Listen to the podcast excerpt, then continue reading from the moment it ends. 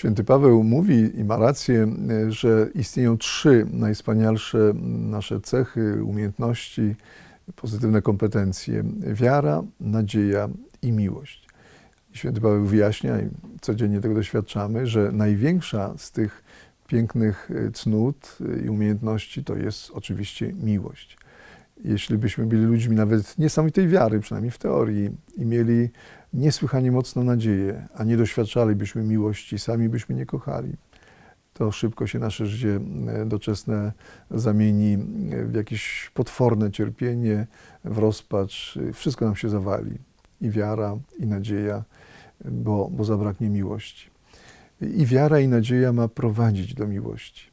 Wiara jest przecież wiarą, jeśli jest dojrzała, jest wiarą w Boga, który nas kocha i który nas uczy kochać i który daje nam siłę, by kochać. Nie tylko podpowiada, jak kochać, nie tylko upewnia, że nas kocha, nie tylko podpowiada, jak my możemy kochać, ale też daje nam siłę, by kochać.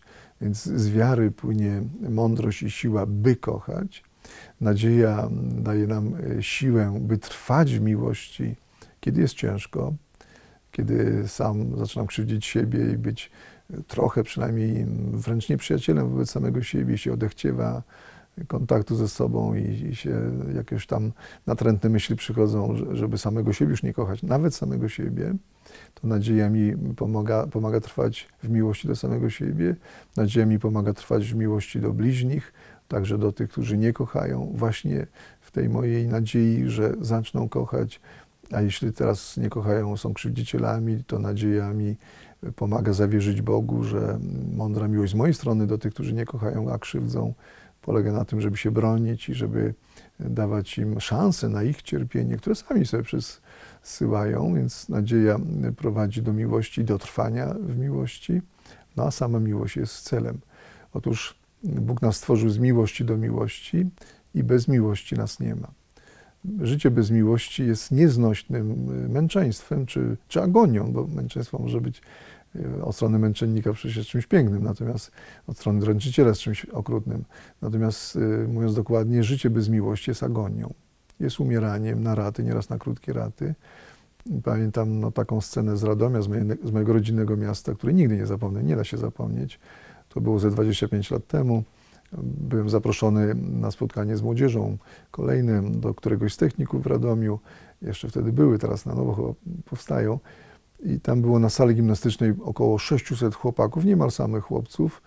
Takie technikum typowe dla chłopaków, bywały takie.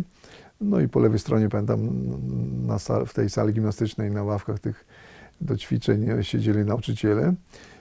I w drugiej części spotkania podchodzi do mikrofonu, kiedy była dyskusja, możliwość pytań, podchodzi do mikrofonu jeden z tych uczniów i mówi tak, takim beznamiętnym tonem przy 600 kolegach i 30 nauczycielach.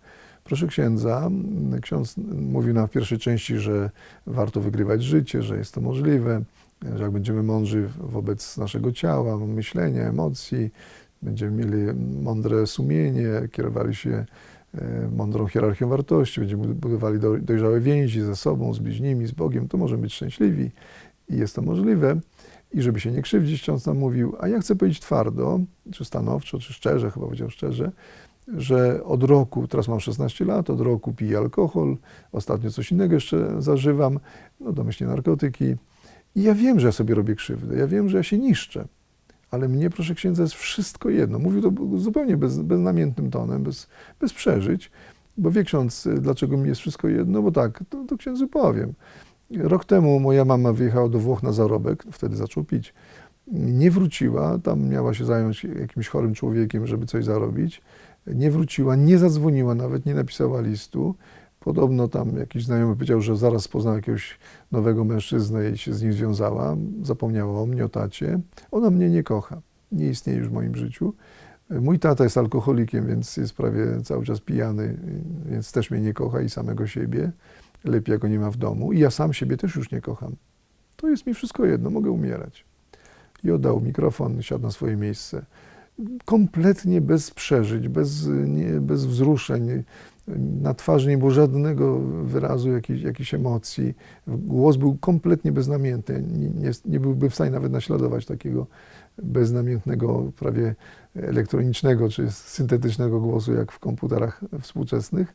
I, i powiedziałem w tej, w tej ciszy, która zapadła, e, sam miałem łzy w oczach, po chwili e, ciszy powiedziałem e, do tych 600 e, chłopaków i 30 nauczycieli, ten wasz kolega ma rację.